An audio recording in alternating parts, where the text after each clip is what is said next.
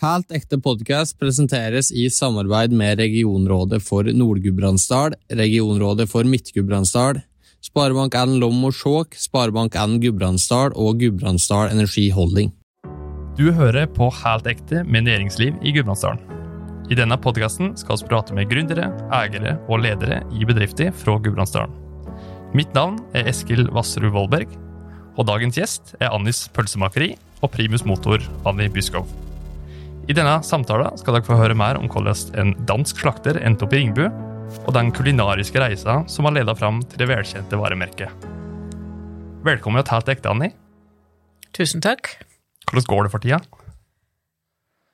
Jeg syns det går bra. Nå eh, nærmer det seg jo påske, og etter påske så blir det sommer, og det er jo en fin tid. Merker dere liksom eh, presset nå fram mot påske? Begynner folk å hamstre pølser og andre Eh, ja, det er faktisk en del som begynner å kjøpe litt inn og bunkre litt til påske, fordi de helst ikke vil stå i en lang kø de siste dagene før påske. Ja, for den køa kan bli ganske, ganske lang. Den kan bli ganske lang, ja. Mm. Så det er jo lurt å handle litt i god tid. Ja, Lite tips der, altså. Anni, du eh, er og er øverste sjef i Annis pølsemakeri. Eh, dere har hovedsete her i Ringbu, starta her i Ringbu, og så har dere også et utsalg i Oslo, både gjennom Mathallen og i Oslobukta. Det har vi. Så du har nok å helle fingrene i. Ja, men jeg har jo heldigvis veldig gode folk med meg rundt omkring, da. Mm. Så Hvis du ikke hadde sittet her eh, akkurat nå, hva hadde du eh, holdt på med da? da hadde jeg nok avsluttet dagen på jobb, Mm. og øyeblikkelig satt meg i bilen og kjørt til fjells. Kjørt til fjells? For å være på hytta, eller? For å være på hytta. Ja. Hvor har du hytte? Jeg har hytte oppe ved Frisveien, Ok. så der har jeg bodd nesten siden 1. desember. Ja, såpass, ja. Ja. Er du ute og går på ski og Det har blitt litt for mye jobb, så det har ikke blitt så mange skiturer som jeg kunne tenkt meg, men eh, jeg har gått på ski. Og jeg skal ha fri i morgen og på mandag, og da håper jeg det blir fint vær. Så krysser fingre for noen gode dager. skidager. Mm. Ja. Em, Anni, du er jo utdanna butikkslakter, det du starta med. Ja. Hvorfor var det akkurat butikkslakter? Det, som så mye annet, så er jeg kanskje litt usikker på det, men jeg har nok hatt lyst til å jobbe med mat. Mm. Og så kunne jeg nok tenkt meg egentlig å være sånn hus... øh, jobbe på pleiehjem, sykehjem eller noe sånt, men det skulle alle de andre jentene òg, så da ville ikke jeg det. Du gikk mot strømmen. Så, så var vi vel noen outsider jenter som valgte å bli butikkslakter isteden. Så jeg tror vi var fire stykker i den store puljen som Mm. ble det. Og så kommer du fra Danmark, som nevnt. Så kom jeg fra Danmark, og jeg er oppvokst på gard. Noe som jeg jo sikkert den gang syntes var noe hauk. Fordi Nei, det var både noe hauk, men det var veldig fint. Mm. Uh, men det var jo alltid noe å gjøre. Så du hadde jo egentlig ikke fri før hele familien hadde fri. Så Mm. kunne du jo gå inn og spise middag og Mm. avslutte dagen. Du var kanskje mer interessert i liksom sluttproduktet av gardsdrifta? Jeg har alltid likt å sitte rundt et bord og spise god mat. Og det tror jeg vi er veldig gode til i Danmark, å samles rundt bordet og kose oss med god mat. Hygge. Hygge. mm. Ja. Dette med å lage mat, eh, hva er det med det som inspirerer deg? Nei, det Det er jo å øh, ja, lage gode måltider og ø, Før i dag så har jeg pratet om det å bruke hele dyret. altså Nå Mm. går jeg tilbake til garn som jeg er oppvokst på. altså Vi slakter en gris, vi slakter en okse, og så så var det det som var maten som vi hadde den neste tid fremover. Og da Mm. bruker du hele dyret. Og det er å få til de der ulike rettene av et dyr. Mm. Går det an å bruke, altså Kan du bruke hele dyret? Eh, hvis du som du sier, slakter ei ku? Går det an å bruke alt til kan bruke hele dyret. Det er jo en som er ekstremt god på det. Det er jo han der er jo nede i eh, Nede i uh, Italia. Den berømte slakteren der nede. Yes. Han han er jo utforsker jo absolutt og utprøver hele, alle stykningsdeler på hele Mm. dyret. Mm. Det er han kjempegod på. Så det er jo noe med kanskje den kreative prosessen da, med å Ja. kunne bruke Altså, han, han tør jo til og med bruke snuter mm. på kua. Mm. Har dere det på uh, Annis uh, i Ringbu? Nei. Ikke ennå. Vi har ikke det. Ikke ennå. um, men Anni, um, du vokste jo opp i Skive i Danmark, og så endte du opp i Norge etter kort. Men før det så hadde du et opphold i Israel. Det var jeg. Mm. Og, før, og før det så gikk jeg på folkehøyskole i Danmark òg. Du var på folkehøyskole? Ja. Var det matlinje, eller? Det var det overhodet ikke. Var det ikke? det, var um, Min ungdom, den, der var jeg mye med i KFM KFK, så da var det jo en del av Altså, vi var mange fra KFM og KFK som var med i den folkehøyskolen der. Um, men så, som sagt, så reiste du til Israel, så du er jo eventyrlysten. Jeg liker å reise. Mm. Ja. Hvis du skulle reist en, eh, en annen plass enn akkurat Ringebu akkurat i dag, hvor ville du reist best? Hvis du snakker ferie, Mm. um, da kunne det være Det kunne være motorsykkeltur på New Zealand. Mm. Det kunne også være en uh, Jeg har ikke vært i Barcelona ennå. Mm. Og så Cadaqués er jo også en sånn matsted i Spania, som jeg heller ikke har vært på. Mm. Er det veldig slik når du legger opp ferieturer eller reiser, at du legger det litt opp ut ifra hvor du kan få de gode matopplevelsene? Uh, nei, egentlig ikke det, men det gjør ikke noe om de er med på kjøpet. Mm. en bonus. Ja. Um, så ender du i 1985 opp i Norge. Ja. Hvordan gikk det til? Jeg tok ferja. Du tok ferie? Nei, jeg tok ferja fra, fra Fredrikshavn til uh, Oslo. ja. Ja. Og så var du her. Og så kjørte jeg jo Jeg hadde en 2CV den gang, så den tok meg med til Hønefoss. Mm. Men det var planlagt at du skulle til Hønefoss? Uh... Ja da. Jeg hadde, hadde jo vært på jobbintervju først, da, så jeg hadde jo fått et arbeid der. Mm. Det var hos Leiv Vidar. Hos Leiv Vidar. Mm. Hva var det arbeidet innebar? Egentlig akkurat det samme som jeg gjør nå. Mm. Det var bare en annen tid. Andre produkter, andre Men fortsatt så er det jo kunder i butikken, Mm. mennesker rundt deg som Var det på en måte noe som òg har eh, kanskje gjort litt at du eh, driver den bransjen du driver i dag, det her med menneskelig kontakt og like ting? Altså Er det noe du liker ved Ja, jeg liker jo det. mm. Mm. Mm. Så det, så det når jeg flytta fra Hønefoss opp hit, så, så var det jo egentlig kundene som jeg Oi. Det var andre folk, andre mennesker. Mm. Så jeg savner kundene mine der nede fra. Mm. Så når de fortsatt kommer her i Ringbu, noen av dem, så er det jo veldig hyggelig. Er det slik at du liksom husker at uh, kunden? Altså det regner med at det er ganske mange som er innom eh, butikken i løpet av et år. Um, Det er nok dessverre ikke alle jeg klarer å kjenne igjen, sånn og uh, Men jeg syns det er veldig hyggelig de, hvis de spør og de sier ja, vi kjenner deg igjen fra Hønefoss og, Mm. og sånt. Det, det er jo morsomt. Mm. Eh, Noen kjenner jeg jo igjen nå, men ikke alle. men jeg tenker litt på det her, fordi Annis um, tror jeg er noe som veldig mange gudbrandsdøler og veldig mange og andre, altså dine kunder, har et forhold til. Altså vi føler oss har et forhold til Annis på en måte. mm. du det? At kunder kommer inn i butikken og føler de kjenner deg? på en måte? Det kan nok hende, og det er jo fordi noen har jo lest, eh, lest litt om meg, og da føler de de vet litt mer om meg. Ja. Når du kom mot eh, Norge på den tida, Mm. hva var det? Var det du flyttet fra Danmark, kom hit, var det litt kultursjokk? Eller? Ja, det var jo Det var jo litt annerledes på en måte, ja, men eh, ja det, Jeg veit ikke om det er kultursjokk, for jeg har, jo, jeg har jo alltid vært glad i eh, fjell.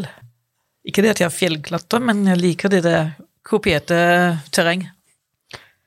Da må jeg bare spørre, hvordan, hvordan blir du glad i fjellet når du er vokst opp i, i Danmark? Hvordan går det an å ikke bli glad i fjellet? Det kan jeg være helt enig med deg i. Um, Når du kom hit til Norge, uh, du har den danske mattradisjonen uh, litt i bakhuget. Hva var liksom, var det noen rette eller noen uh, type mat som du tenkte herregud, hva er, hva er dette her for noe? Ja, det tok litt tid før jeg lærte meg å, å synes godt om kjøttkaker. Jeg Ja. synes det var noe merkelige greier, men nå, det er jo godt. Ja, ja, Ja.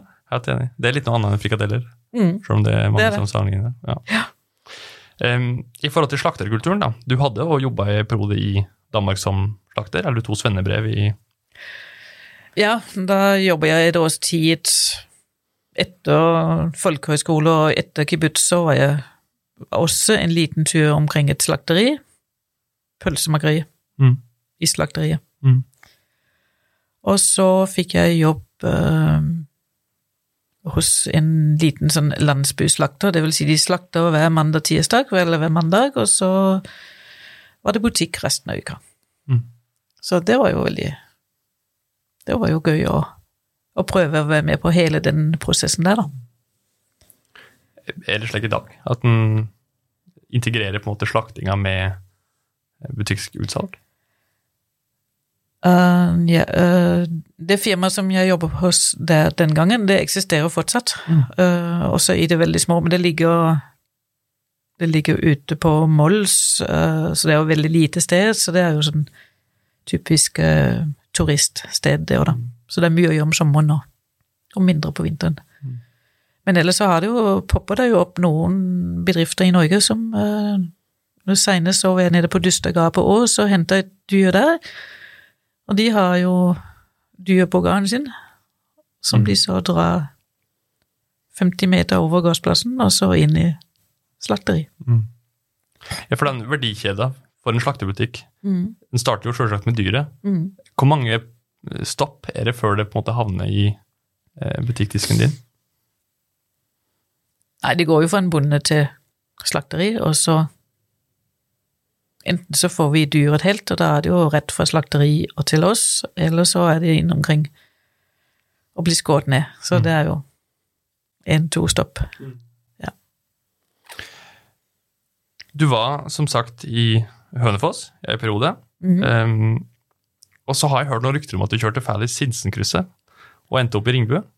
Ja, Stemmer det? stemmer det. Ja. I hvert fall det jeg sier. Hva, hva, hva skjedde der? Hvorfor endte du opp i Ringbu? Nei, det òg blir litt tilfeldig, tenker jeg. Uh, jeg uh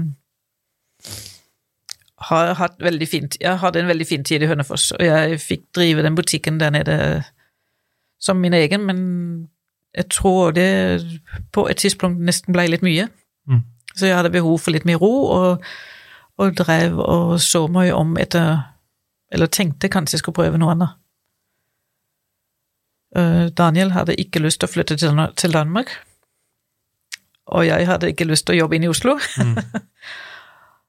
og så kommer det tilfeldigvis en som jeg kjenner, eh, dansk krydderselger, og han sier ja, men eh, det er jo Jan Haug skal jo selge bedriften sin. Og det visste jeg jo egentlig godt, men jeg hadde jo ikke tenkt at jeg skulle flytte til Ringebu. Men eh, så ble det Ringebu likevel.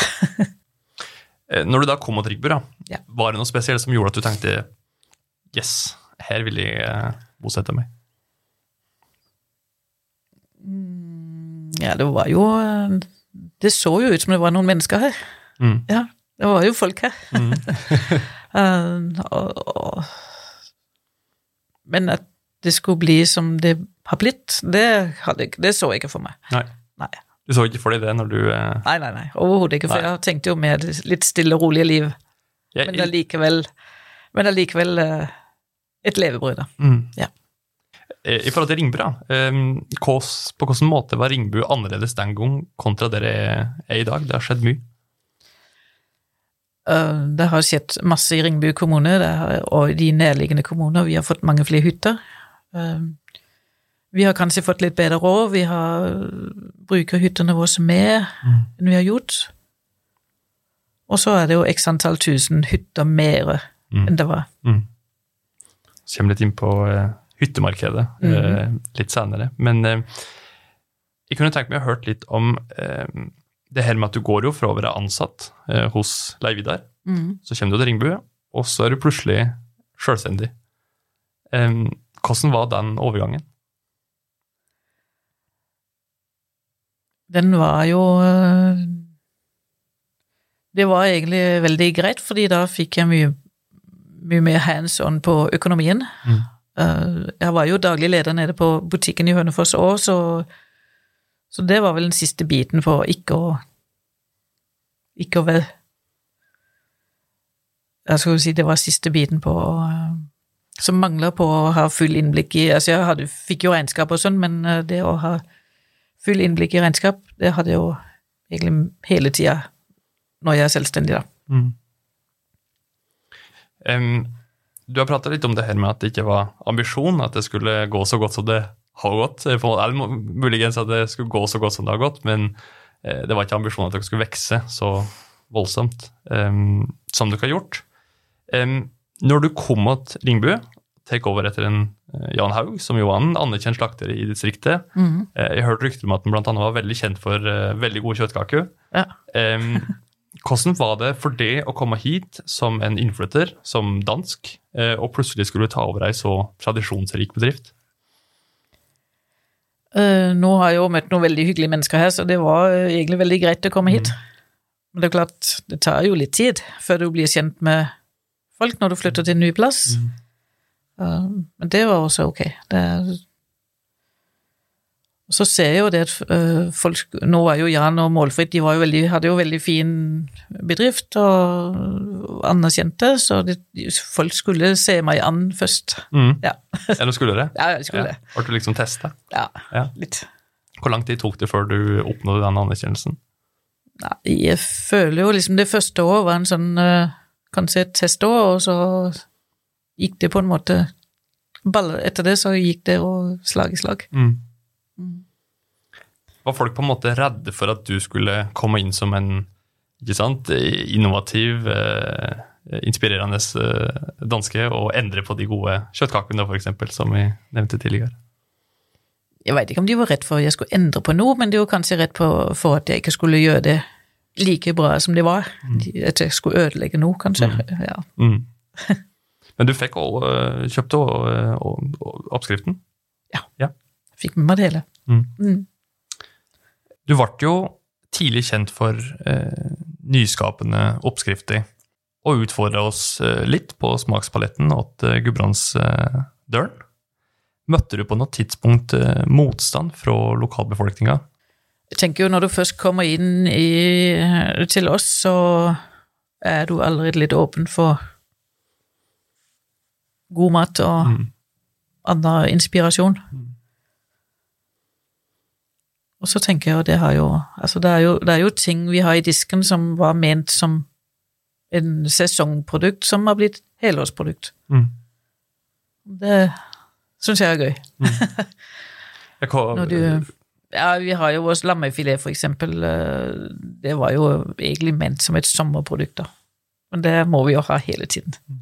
Det er, en- det er en sånn skikkelig lettvint ting på en fredag ettermiddag, for eksempel. Du har kjørt et stykke, og så har du lyst til å ha noe godt å spise, men allikevel nå lettvint å tilberede. Mm. Um, hadde det vært en bevisst strategi fra deres side, det her med å, å endre litt kanskje matvanene, da, at uh, dere kunne det? Nei, Vi må jo hele tiden finne ut av hva man kan, hva man kan selge og friste med, og, og likevel veldig annerledes enn det du opplever i en dagligvarebutikk. da. Mm. Tenker det er For dere er jo eh, i konkurranse med på en måte egentlig dagligvareforretninga. mm. Hvordan eh, håndterer du den situasjonen? Altså, Hvordan er det du på en måte får folk til å komme inn i din butikk og kjøpe eh, pølsa si der, kontra å gå på en annen, eh, muligens billigere alternativ? da? Nei, da må vi jo gå på smak, kvalitet Det blir sånn Og følelser, ikke sant. Det er, ja. Er matindustrien følelsesbasert? Godt spørsmål. Jeg vet ikke. Eh, Det er vel det. Du kommer, jo, du kommer jo inn til oss, og det er Og det er jo for noen så blir det for heftig å komme inn til oss, for det lukter for mange fremmede lukter. Mm. Så, så vi appellerer vel både til eh, ja, lukt og syn og, og til slutt smak, da. Men det er jo syn først, så det må jo se bra ut, blant annet det som Mm. vi lager. Mm. Og så har jeg nevnt litt det her med hytteutbygging. Det er jo noe som har vært eh, hva skal jeg si, utvikla seg veldig siden vi hadde OL i 1994. Eh, hvor viktig har det vært for eh, den veksten som dere har hatt? Jeg, jeg tror det har vært uh, kjempeviktig for hele destinasjonen her at uh, vi har uh, fritidsinnbyggere. Mm. Um, ut av dem så hadde det nok vært en stille, stille dal. Em, nå prater jeg litt om på en måte oppstarten, eh, og så kommer du jo i gang, du oppnår den anerkjennelsen. Og i 2006 så skjedde det noe i Ringbu med en bakterie. Ja. Hva var det som uh, utspilte seg da?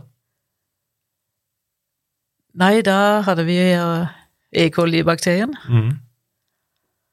Um, og tilfeldigvis altså, så var det jo én, i hvert fall én jente her som blei veldig syk. Og hun liker jo blant annet å kjøpe ett produkt hos oss, øh, og det er faktisk leverkaker. um, og da var vi på en måte da ut uh, Og spesielt blant lokalbefolkningen så var det liksom Da var det oss som hadde, var skyld i at hun jenta ble syk, da, men det var jo mange andre som ble syke òg, og øh, Ja, det var i det hele tatt veldig rart, det her, fordi at øh, man også fokuserte veldig ensidig på kjøttdeig, for eksempel. Man Mm. trodde det var kjøttdeig. Nå Mm. leverkake ikke Det fins ikke kjøttdeig oppi leverkaker, så det hang jo heller ikke sammen, det her. Men, øh, men etter ganske lang tid så fant vi jo ut av hva det var for noe. Og det var ikke Det var heldigvis verken kjøttdeigen eller karbonadene våre eller leverkakene våre. Det var Hvordan var det Dere er jo en bedrift som i dag eh, har en del medietrykk. Det er ganske mange nyhetsartikler med Anis eh, rundt omkring. Hvordan var det å oppleve det så tett på eh, for kanskje første gang da, i Det var jo Den type oppmerksomhet er jo ikke noe morsomt. Um, så jeg fikk vel første tilbakemelding på at det kunne være noe. Det var på en søndag ettermiddag. Jeg hadde til og med besøk fra Danmark. Og um, om mandag morgen så ringte jeg vår uh, organisasjon for å høre hva skal vi gjøre nå, hva gjør vi, liksom. Mm. Og så ga de meg noen råd, og, men, men allikevel så er det jo Så er det jo det at du får jo media Media kommer jo tvert, ikke sant, og Jeg har hørt rykter om at hele plassen liksom utenfor eh, Anis var fylt opp med reportere fra de store mediehusene i hele Norge. ja, det kan nok hende. Og så er det ei historie som kommer et par år etterpå, Okay. i 2008. Ja. Det var et innbrudd i Ringebu. Og eh, slik jeg har forstått historien, så får du ei oppringning klokka fire om natta eh, om at det er innbrudd. Ja, Hva skjer da? Ja, det er Britt Aase som ringte, og så sier hun du, Anni, nå er det noen som driver og lusker rundt huset dit og går inn i huset i pølsemakeriet. Og jeg, var faktisk hjemme og sov øh, og klarer å stå ut på feil side av senga av alt. Det gjør jeg vanligvis aldri, men jeg kommer meg ut på feil side av senga. Og, og så sier hun men ikke gjør noe dumt nå, da. Tenker jeg, har jo tenkt etterpå, ja, hvorfor ringte hun meg hvis jeg ikke skulle gjøre noe dumt? Fordi at det er jo å invitere til at jeg skal gjøre et eller annet dumt. Men jeg kjørte i hvert fall ned for å se på de som og se om det var noen folk, da. Mm. Uh, og da klarte jeg jo å Ja, jeg klarte jo å forstyrre dem, da. For det satt en utenfor butikken og holdt vakt, og da, da ga han vel noen signaler om at nå måtte de rømme, så jeg tror de var veldig kjappe til å komme seg ut av huset, og egentlig så løp de vel rett inn i armene på politiet som da allerede også var på plass. Du tok ansvar sjøl. Reiste ned dit og Ja, ja. Ja. Altså En må jo det. det, Noen år etterpå, da, Anni, Ja. eh, så kommer oss jo eh, der dere velger å utvide.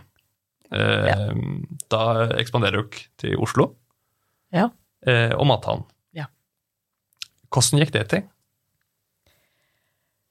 Nei, det kan du si. Det, han Daniel, eh, sønnen min, flyttet til Oslo i 2008. Og kjøper første leilighet ganske tett på mathallen. Så han gikk forbi der ganske ofte. Og så sier, sender han på Messenger en beskjed om en dag at du, mamma, det skal jo åpne mathall her, og om jeg hadde tenkt på det. Og så svarer jeg bare ja, da må det være du som skal drive det, da. Og så går det nok et par uker, så får jeg en tilbakemelding på, på Messenger igjen, da, og sier ja, men det er greit. Hva er, greit? hva er det som er greit nå? Så måtte jeg liksom bla tilbake og se hva, hva har vi pratet om her, og så var det jo, det var det der, ja. Så det var egentlig sånn at vi begynte der. så hadde vi selvfølgelig samtale med de inn i, i mathallen, de som skulle bygge det og fylle den med leietakere. Ja, for det Konseptet er rett og slett at du har et stort eh, bygg, altså en stor hall, der forskjellige uh, delikatesseforretninger har uh, Ja. legget seg inn. Ja. Mm. Det er det. Og jeg, deres måte å tenke på, det var jo egentlig eh, litt sånn som, som vi tenker i en ja, en, Det er noe et senter eller en landsbysammenheng. Det er at eh, man skal hjelpe hverandre og gjøre hverandre gode. Mm. Senere, i 2017, eh, ekspanderer dere til en, eh, en restaurant og i Ringbu. Ja. Hva var tanken bak det? Nei, det er jo noen eh, Jeg pleier å si det er alle de dårlige venner jeg har, som, eh, som uh, sier at eh, vi skal ha et, vi, skal, vi mangler et spise, godt spisested her. Mm. Så eh, Ja, da var det mulighet for å gjøre det, da. Mm. Ja. Tenkte du på det i lang tid, om du skulle starte opp i Midtdalen? Nei, vi hadde behov for øh, Vårt kjøkken, vårt cateringkjøkken blant annet, var jo for liten, det, det som vi hadde. Så vi hadde behov for å bygge ut den. Og vi hadde behov for mer kjøleromsplass øh, også. Vi hadde i det hele tatt behov for mer plass, og så var det også plass til et spisested når vi kunne ta i bruk øh, malerbutikken. Mm. I hva stor grad er du involvert i, i drifta både i restauranten, men også i, i mathallen i Oslo i dag? Um, jeg er jo mest involvert i Ringebu-avdelingen. Mm. Uh, det er jo Vi har en butikk, uh, daglig leder i mathallen, og så er det jo Daniel, uh, som også er i Oslo, og han er jo litt på begge, begge steder, men han er jo mest i Oslobukta. Em, dette her med å jobbe i hop med en eh, Daniel, Ja. hvordan er det å jobbe i hop eh, mor og sønn? Det går jo egentlig bra. Mm. Uh, jeg tenker det er fint at vi ikke jobber på samme plassen. Mm. Vi, spesielt Daniel får gjøre sine ting og der hvor han er. Så har dere ikke samme etternavn lenger? eller? Nei, det har vi da ikke. Kan det tenkes at du kommer til å bytte etternavn etter eh, Ja, jeg har jo vært inne på tanken, men jeg tenker det blir bare teit. Det blir bare teit. Ja, Så fikk det en Anni. Anni Slakter. Nei, nei, jeg tenker han skal få ha den for seg sjøl. Anni, den nyeste eh, tillegget til Annis konseptet er jo Annis i Oslobukta. Det er det. Er det noe dere har eh, tenkt på i lang tid, å ekspandere i, i Oslo? Altså, vår avdeling i mathallen var jo for liten. Mm. Um, så fikk vi utvide den i 2017.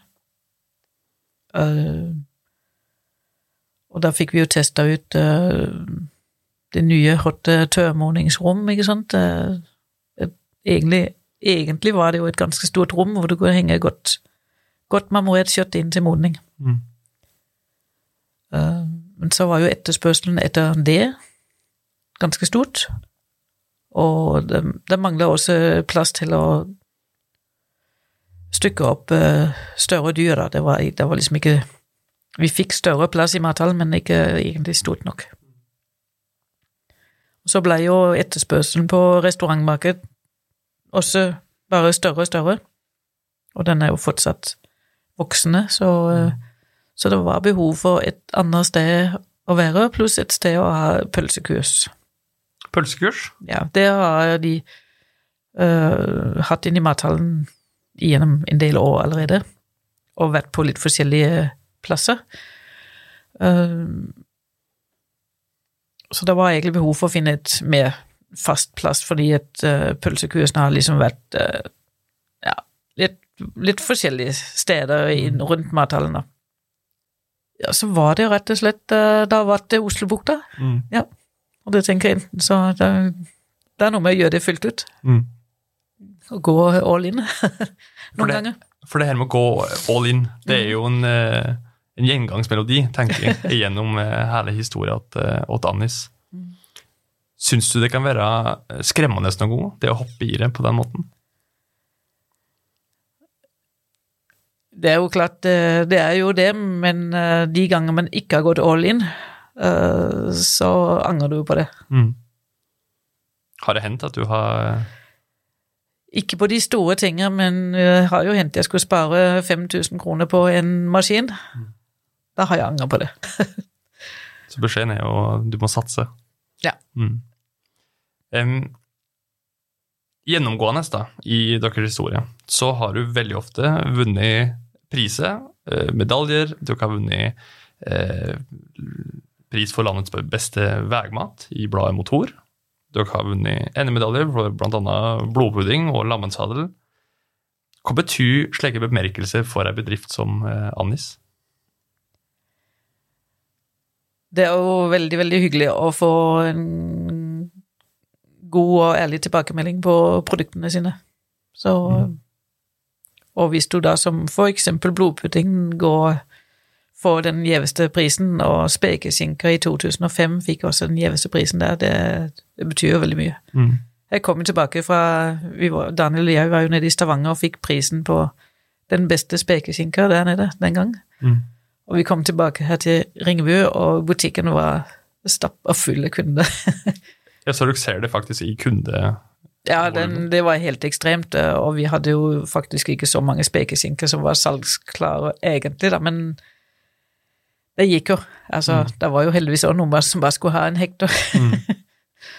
men uh, Anni, oss er jo akkurat ferdig med eh, en vanskelig situasjon for mange butikker eh, mm. rundt omkring i, i Norges land i form av korona. Hvordan løste dere den situasjonen? Ja, det var jo litt sånn uh, sjokk. Uh, ok, ja tenk, Først var det sånn Ja, ok. Ja, men da kommer hyttekundene jo til Da får de lov å komme Da kan de reise på hyttene sine når ikke de får lov å være noen Gå på jobb, for eksempel. Men så var jo Nei, det fikk de jo ikke lov til. Mm. Så det var jo litt sjokk.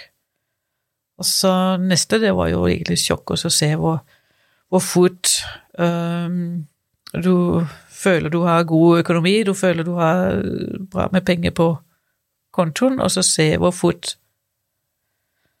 de pengene forsvinner. Mm. Um, og så permitterte vi jo noen av de ansatte. Så mange som vi kunne, egentlig, og likevel og så allikevel ha litt drift, da. Um, og så begynte vi å kjøre varer langs E6, og hadde, hadde noen faste stopp underveis. Og det, det, gjorde jo at vi i hvert fall hadde litt vi slapp å stenge butikken. Vi hadde åpent hver dag, vanlige åpningstider, og vi kunne Vi holdt, vi holdt jula litt i gang, da. Mm. Det var ikke full kanal, men eh, det var, det var, jo likevel en del jobb med å pakke alt det som skulle pakkes og kjøres ut. da. Så. Ser du for deg at det er en type um, business som kan fortsette uh, sjøl etter korona? Vi har ikke fortsatt med det. Um, vi kunne sikkert ha gjort det. Det vi har, spesielt innenfor Oslo, har blitt veldig gode på, det er jo uh, Amoy, uh, Postens uh, Postens nye tjeneste, altså Bring, som, hvor du kan legge inn uh, varebestillinger, og så kan du pakke videre, og så blir det henta sånn klokka to på ettermiddagen og kjørt ut til kunde. Mm. Så den er fortsatt ganske høy inne i Oslo. Mm. Så har vi nettbutikk. Så begge deler har jo på en måte fått en skikkelig kickstart på grunn av pandemien. Mm. Hvis du skulle reflektert litt i dag over Annis i eh, 2023 kontra Annis eh, når dere starta opp, hva vil du si er de største forskjellene? Uh, største forskjellen det er jo uh, Ja, vi har jo gjort ganske mye underveis. Vi har bygd, uh, bygd på og tilpassa lokale, lokalene mer etter det vi øh, skal produsere. Forhåpentligvis så får vi bygd på vårt pølsemakeri i år. Mm. Um, så har vi selvfølgelig mange flere mennesker på jobb. Ja, for når du starta, var det Ja, du? da var vi uh, fire årsverk, tenker jeg. mm. Og i dag er det øk. På Ringebu så er vi et sted mellom 20 og 25. Um, Anni, Annis pølsemakeri har jo blitt et veldig velkjent varemerke. Mm. Det er noe som eh, veldig mange fra Gudbrandsdalen er veldig solgt av, fordi folk kjenner det. Mm. Hadde det vært en bevisst strategi fra deres side? Nei, verken navnevalg eller sånn strategi, det, men det er jo veldig hyggelig. Man er stolt av Stolt av landsbyen Ringebu og bedrifter som er i landsbyen, da. Også Anis. Det er, det er jo kjempebra. Det er jo stas. Dette her med å starte opp i Ringebu kontra om du hadde starta opp i Oslo, eller i en større by. Hvilke fordeler ser du ved det? Jeg tror Jeg tror det at vi har At vi har bedrift ute på et, et, et lite sted, det gjør at alle de som kommer hit, de forventer i grunnen ikke De forventer ikke å se noe, de forventer ikke noe spesielt når du kommer til så lite eh, område og så lite et sted som det her, så, så mange blir nok veldig overraska, så du blir kanskje også lettere prate om. Er det både på godt og vondt? Ja, det er det sikkert, men jeg opplever det egentlig mest bare på godt. Em, og det kommer vi egentlig litt inn på det her med nytenking, for det er jo noe som Anis Annis virkelig er kjent for. Eh, som jeg har nevnt tidligere, dere jo utfordret oss veldig på smakslaukene. Hvor finner du inspirasjon til å lage nye retter? Nei, nå så, så er jo de der to Oslo-butikkene som holder oss uh, oppdaterte og, og har ønsker om nye ting. Men ellers så får vi jo inspirasjon blant uh, våre kollegaer. Vi er jo en, vi er jo en, uh, en seig gjeng som uh, vil kjøttbransjen. Mm. Og vi har holdt sammen i ganske mange år. Mm. Og vi hjelper hverandre og inspirerer hverandre og deler mye. Men når du skal lage en ny pølse, da, for eksempel, hvordan fungerer den kreative prosessen? Tester du på en måte ut forskjellige ingredienser? og Den siste vi lagde denne uka her, da fikk vi forespørsel fra en kunde inne i Oslo, som gjerne ville ha en type litt à la hvitløksgrillen, sa han da, og så med en med fersk estragon. Ok, så det var bestillingsvare? Ja. ja. hvis du sjøl skal finne på noe nytt, hvor, eh, hvordan fungerer det? Nei, det blir vel litt i samme, litt i samme stil. Altså, du kunne tenke deg å gjøre et eller annet. Mm. Og så har vi jo en Du kan jo ta en bare Vi er jo i motsetning til kokkene, så er jo vi i pølsemakeriet så er vi jo nøye med å bruke resept. Mm. Så det er jo så og så mange gram salt og så og så mange gram pepper, for eksempel, og så kan du jo leke det med resten. Mm. I passe mengder. Ikke for mye chili, eksempel. Har det hendt at det har blitt for mye chili? Nei, jeg hadde en pølsekurs nå her i Jeg tror det var i høst eller noe sånt, og det var ikke to gram chili, men han bare tok og dryssa på Ja. chili. Og så var det en av de andre som sier 'Hvorfor er din deig så rød?' Og da Jeg måtte se på hva det var for noe å smake på, ikke sant, og det var jo altfor mye chili. så måtte spe, spe ut farsen. fasen. Hvordan spe den ut? Uh, Nei, det var jo å tilsette mer kjøtt. Mm, Ja, ja, okay. det var Å lage nye steikeprøver og så se om det var spiselig. Mm. Det, da var- den var fortsatt sterk, men han syntes det var ok. Det her med chili er kanskje ikke superdansk, men eh, hvis en skulle reflektert litt over norske versus danske mattradisjoner, da, Ja. på hvilken måte kombinerer du de to? Altså, den danske smørbrød er jo mye rausere enn den norske. Eh, og jeg tenker den danske, den fungerer veldig bra i Danmark, men det blir, for, det blir nesten Hvis du serverer den i Norge, så blir det nesten for mye. Det blir for mye. Ja. Mm. Um, også har jeg nevnt litt det her med hyttemarkedet, mm. eh, som har vært viktig for Annis, eh, så vel som resten av regionen. I dag så er hyttemarkedet litt i nedgangstider. Um, er det noe dere merker i Annis i dag?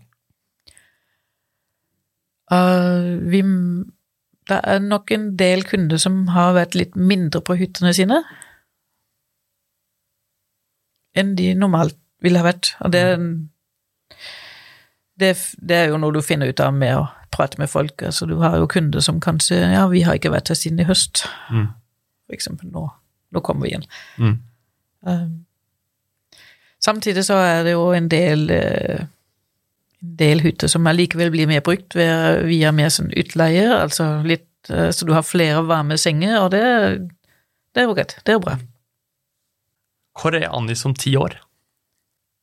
Eh, jeg håper jo at vi eh, fortsatt har en flott, fin avdeling her med god produksjon, eh, og at vi har et Begge butikkene i Oslo fortsatt er der. Og den nye restauranten som skal åpnes, som heter Varemottaket. Så langt, i hvert fall, heter det Yes. varemottaket. og det er rett og slett fordi at inngangsdøren til restauranten, det er egentlig også varemottaket til Oslobukta. Ja, ok. Ja. Det kommer en ny restaurant i Oslo. Ja, den er så å si klar til å åpne. Mm. Det mangler det siste Det mangler det er noen boer som må byttes ut. Kommer den til å minne mer om den restauranten hos eh, Harry Ringbø, eller er det et nytt konsept? Det er et litt nytt eh, konsept. eh, litt mindre antall boer. Mm. Mindre lokale, og det er åpen ild. Åpen ild? Åpen ild, ja. Eller der blir det en, en grill, stor grill med oh, Ja, som er i gang der. Ok, hvordan fungerer det i uh, praksis? Nei, det har vel vært en av de der vanskelige ting, det der, å få det godkjent, fordi at det er ikke så mange som har sånn åpen ild inne i en restaurant. Det Men, men det, er jo, det er jo rett og slett bare en, en grill eh, inne i et lokale, og så må du jo bare ha passe med brannhemmende materiale rundt, så ikke du setter fyr på hele blokket. Mm. Så håper det går bra. Jeg tror det går bra. Jeg tror det går Ja. bra. Um, jeg tenker litt på det her med uh, det å ha en, en slakter, en butikkslakter. Mm. Det er jo ikke noe du ser veldig mange steder uh, i Norge i dag. Det er kanskje noe de har mer i, i Danmark, f.eks. Hvorfor tror du at det har blitt slik i Norge? Øh, det har Det har vært en øh, Det har vært en tid i Norge hvor vi har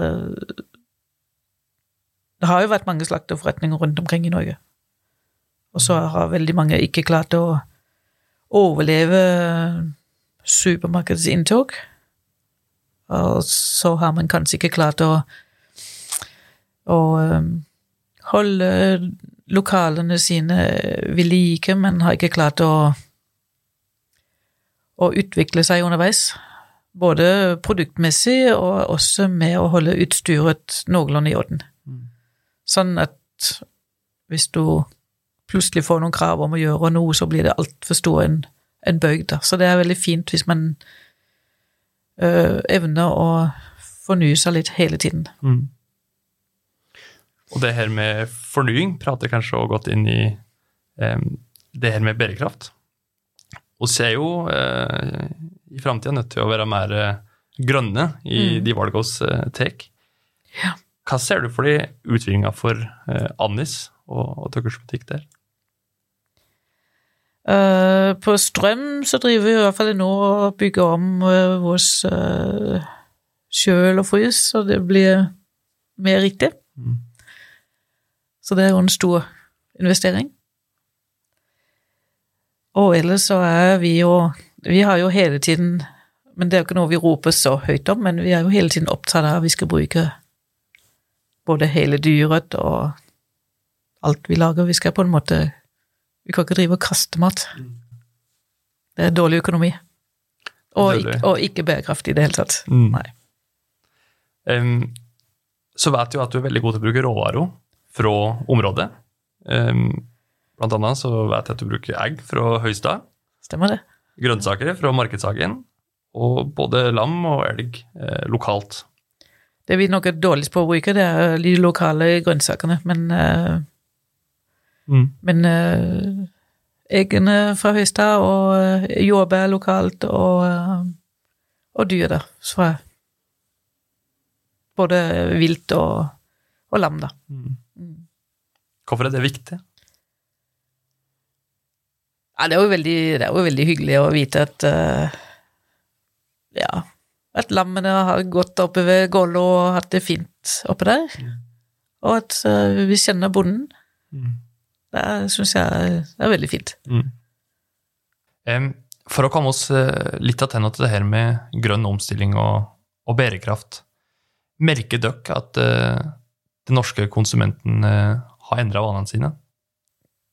Ja, litt kanskje, men da tenker jeg du kommer jo ikke til oss hvis du ikke skal ha kjøttmåltid i dag, så, har du gått, så går du jo et annet sted. Så, eh, og så tenker jeg at vi Kanskje velger vi et bedre kjøttstykke når du først skal ha et kjøttmåltid. Det er vel i hvert fall det vi må tro.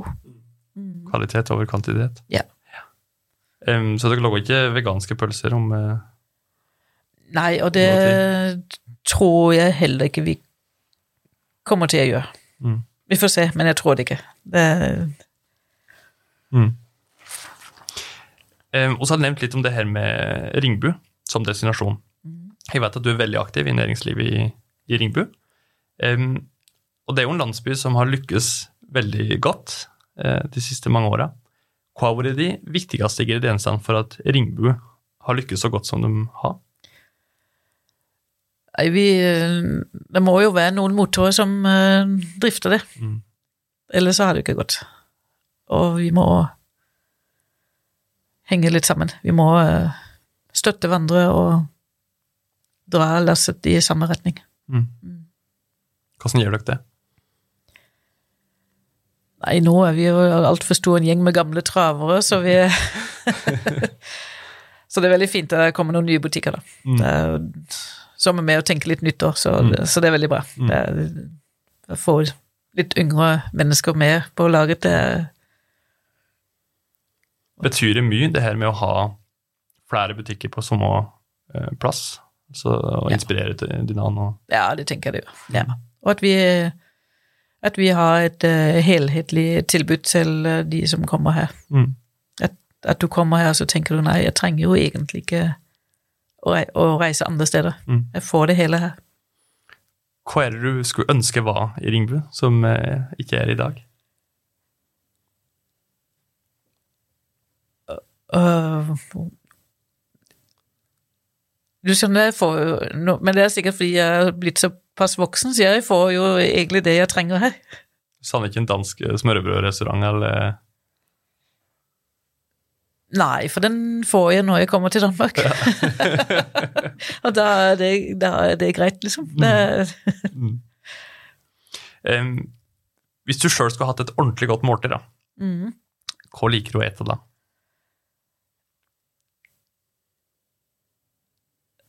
Jeg, eh, jeg har jo blitt veldig glad i eh, både tørrmonakjøtt som og eh, Ja, et godt stykke tørrmonakjøtt som Mm. uh, har ligget på en grill uh, langtidsstekt, kanskje også et eller annet uh, Det er jo godt. Mm, Ja. helt enig. Anni, du er leder av en bedrift som eh, har veldig mange medarbeidere. Dere har jo ei verdikjede som skal gjennom nonstop før det eh, ender i disken. Også I tillegg så er det en bedrift som er veldig anerkjent for kvalitet i kort ledd. Mm. Hvordan sikrer du som leder at kvaliteten er så gjennomgående i bedriften? Nei, nå ligger det jo veldig i bedriften at vi skal vi, Det skal være bra, det vi skal levere og prestere, så Så det ligger vel i jorden litt sånn i oss alle som jobber der. Og så er det jo å passe på å lære opp de nye som kommer inn, at sånn skal vi ha det her. Mm. Vi, Og det mangler ikke noe eh, kompetanse. Det er nok kompetanse i, i Gudbrandsdalen. Så langt så har vi i hvert fall funnet kompetansen eh, her. På kokkefronten er det nok litt verre, men eh, vi har jo ansatt noen som bor her, da. Mm. Og så har vi jo måttet spe på med noen eh, fra utlandet i høysesong, men ja. Er det den her miksen mellom forskjellige typer kompetanse som gjør at du klarer å opprettholde den kvaliteten og den kreativiteten som dere har? Jo da, men det er jo, det er jo basert på noen få personer da, så, og noen som som liker å produsere god mat og Mm. ikke drive og Altså, vi er jo ikke noe stor industribedrift, så det er jo Selv om det går ut noen kilo, så er det en håndverksbedrift. Men eh, Anni, du er jo en kvinnelig eh, gründer i Gudbrandsdalen, kjent for å være eh, tradisjonsrik. Eh, hvordan har det vært? Jeg har hatt det fint. Altså, jeg har jo Jeg har ikke følt på det at jeg er verken Jo, jeg er jo kvinne, men altså Men at jeg er gründer, det Jeg føler vel ikke helt at jeg er det, men du sier jeg er det, så da er jeg jo kanskje det. um, og så har jeg jo Siden jeg kom til Norge, så har jeg jo vært med i kjøttbransjen, og det har jo mest vært en mannsdominert Det er først nå de siste par år det har kommet flere kvinner med i vårt samarbeid, men ellers så er det jo veldig mange gutter som er med på eh, Mm. Som har vært med, da. Er du nødt til å være litt ekstra oppe med elbogene og eh, Nei. Nei? Det er ikke nødvendig. Nei da. Anni, du er kjent eh, for å være ei som eh, er villig til å satse. Folk beskriver det som eh, nevnt tidligere, som en skikkelig råskinn. Hvorfor noen personlige egenskaper er det som er viktig for å lykkes i de bransjene? Nei, jeg tror Er det Per Gunn som sier 'ville det, tørre det og gjøre det', eller noe Mm. sånt? Så du må jo ville det. Mm. Mm. Det nytter ikke å gå Du må liksom Ja, jeg sa det jo før, gå all in, da. Mm. Det tenker jeg du Det må du. Og det virker som eh, at du òg har funnet din passion, ditt talent, noe du virkelig brenner for. Hvor viktig tror du det har vært for eh, den satsinga du har Nei, det tror jeg, det tror jeg er viktig. Jeg tror Mm. du må både like det du driver med, og du må tørre, tørre å gjøre det, da. Hvordan kan folk eh, finne sitt talent?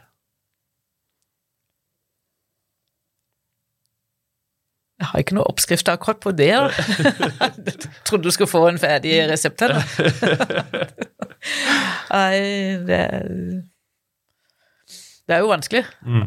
Jeg, jeg husker jo godt eh, når du står der du er 16-17 år, og nå forventes det at du eh, Nå vet du hva du skal resten av livet. Mm. Og i hvert fall den gang jeg var 16-17 år, så måtte du jo vite det. Det var ikke lov å ta et friår eller to eller tre og tenke over saken, og så kanskje finne ut av hva du skal satse på. Eller ta en ny utdannelse senere. Det, vi måtte på en måte jobbe med en gang vi var ferdig med Vi måtte ha en plan. Så det handler kanskje litt om det her med å prøve litt forskjellige ting og gå for det du brenner for. Jeg tror det Jeg ser jo det jo mange unge mennesker som har sin første arbeidsplass hos oss, så jeg tenker det er fint å komme ut og prøve litt når du allerede er ung. Det er da du har mulighet for å liksom prøve litt forskjellig. Skape sine første arbeidserfaringer, og så ta det derfra, kanskje. Mm. Jeg kunne godt tenkt meg å hørt litt dine refleksjoner omkring Gudbrandsdalen. Ja. Um, hva er det for noe konkurransefortrinn oss har i, i Gudbrandsdal i forhold til næringsliv? Vi har jo eh, vi kan jo, vi kan jo tilby de som kommer her, veldig mye. Du kan fint være her en uke eller to på ferie og oppleve forskjellige ting. eh, uten å Og det tenker jeg er fint å bare komme et sted og finne, finne roen, og så kan du Du kan jo være med på noen konserter, men du kan jo også bare finne deg en, en fin sted, vandretur, hvis du liker det. Du, du bør kanskje like litt uh, fjell, fjell natur, når du kommer hit. Mm. Men samtidig så kan du jo også reise på et konsert her. I hvert fall i eh, sommerhalvåret så er det jo en del konserter. Mye som skjer. Det er mye som skjer. Mm. Og det tenker vi etter hvert nå er det jo flere som tilbyr noe ulike ting, da. Mm. Enten det nå er pilegrimsleden, eller om det er bare en dagstur bort til et eller annet sted. Mm. Her på vinteren så har jeg jo hatt med meg noen på, til issjøkka nede på Fåvang, ikke sant, og det er jo det er jo mange sånne type småturer du kan gjøre. Mm. handler kanskje bare om å utnytte de mulighetene vi har. Ja. Mm. Hvis vi skulle vende spørsmålet litt, da, og tenkt hva vi skal bli enda bedre på eh, i Gudbrandsdalen, hva vil du si da? Ja, det er vel nettopp det å fortelle om alle de fine plassene som vi har, da. Mm. Framsnakke? Ja. Mm. Hvis du skulle gi tips til en eh, ung gudbrandsdøl som går med en eh, gründer i morgen eh, i dag, hva ville du da sagt? Nei, det er jo egentlig Jeg føler at det er så mange unge, tøffe mennesker rundt omkring, så de, de er mye mer modige nå enn jeg sjøl var da jeg var ung. Mm. Altså øh, Oppvokst i en tid hvor du øh, må ha litt trygghet og sikkerhet rundt deg. Eh, jeg tror det er mange flere som bare gønner på i dag. Mm. Så det handler rett og slett om å tørre å satse og hoppe uti det og Ja. mm. Og hvis det du har lyst på, er ikke helt borti, så, så går det jo bra. så går det jo bra. Ja. Mm. Tusen takk for praten, Anni. Vær så god. Du har hørt på Helt ekte med næringsliv i Gudbrandsdalen. Podkasten ble spilt inn på Innovasjonssenteret i Ringebu. Teknisk produsent var Arne Mathias Myhren. Musikken er komponert av Skar Works. Prosjektleder i Helt ekte er Sivert Rønn Sætre. Og mitt navn er Eskil Vassrud Vollberg.